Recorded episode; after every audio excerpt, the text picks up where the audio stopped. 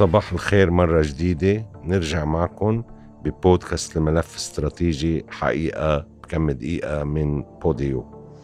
ومنستكمل اليوم ملف آليات الإنقاذ الوطنية بالحلقة السابعة مع العميد بروفيسور فضل ظاهر واللي هو حول آليات الإنقاذ الدولية. أهلا وسهلا فيك عميد تفضل. ما سأتناوله اليوم في هذه الحلقة آه لا ينفصل كليا عن آليات التعاون على مستوى هيئات الرقابة والتفتيش الوطنية وبما في ذلك آه، السلطة القضائية.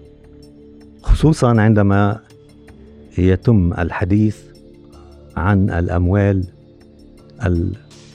المهدورة أعود للتذكير بأننا سبق أن صنفنا التحصل على أموال غير مشروعة وفقا للمصطلحات القانونية.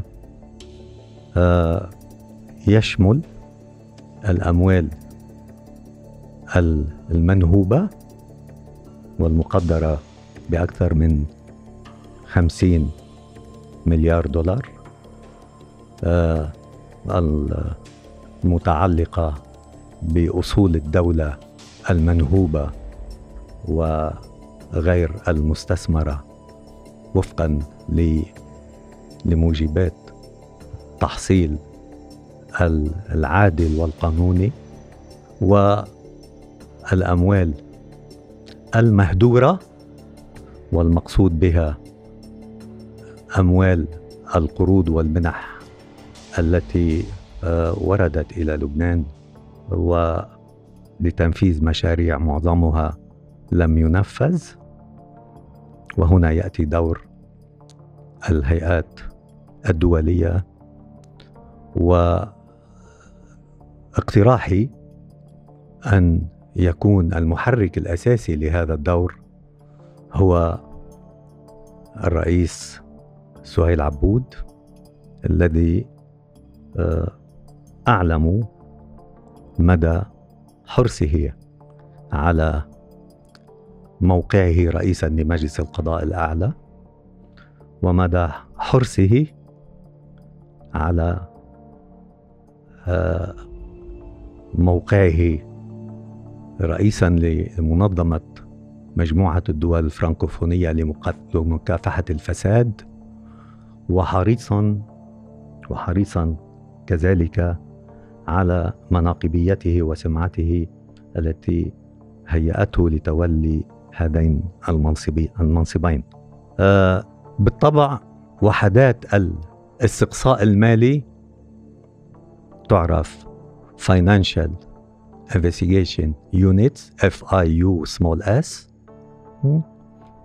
الشبيهة بهيئة التحقيق الخاصة في لبنان تتجاوز ال 158 هيئة في العالم. سوف أعطي مثال. وليسمعني من قدموا الإخبارات من عمموا ونشروا هذه الإخبارات والرئيس عبود تحديدا وخلية الأزمة في الإليزي التي سبق وأن هددت ووعدت بملاحقة الفاسدين.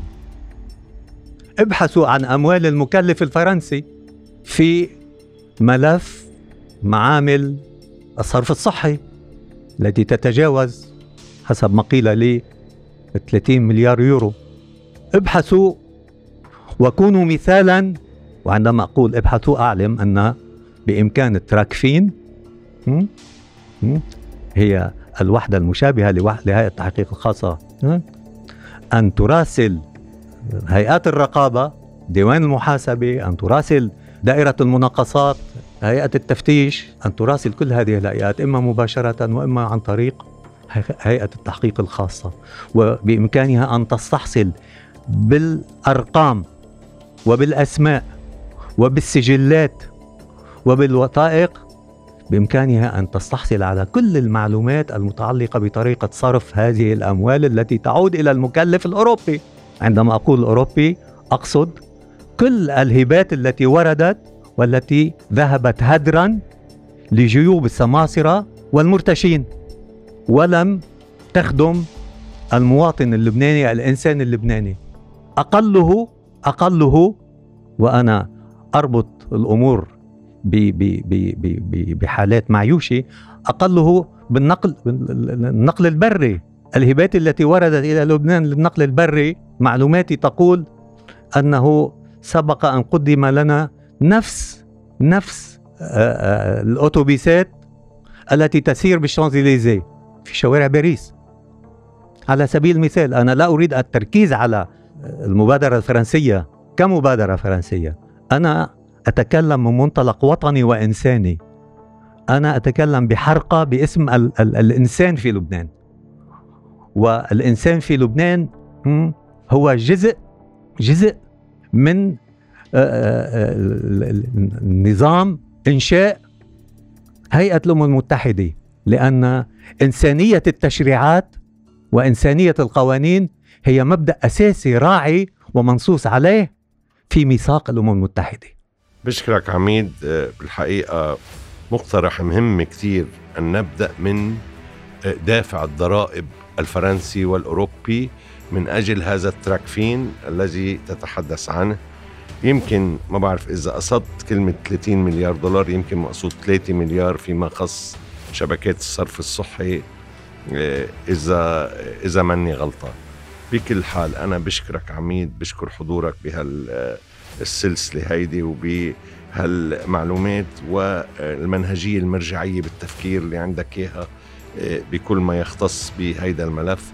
بشكر حسن استماعكم وإلى اللقاء في حلقة مقبلة من بودكاست حقيقة بكم دقيقة من الملف الاستراتيجي من بوديو.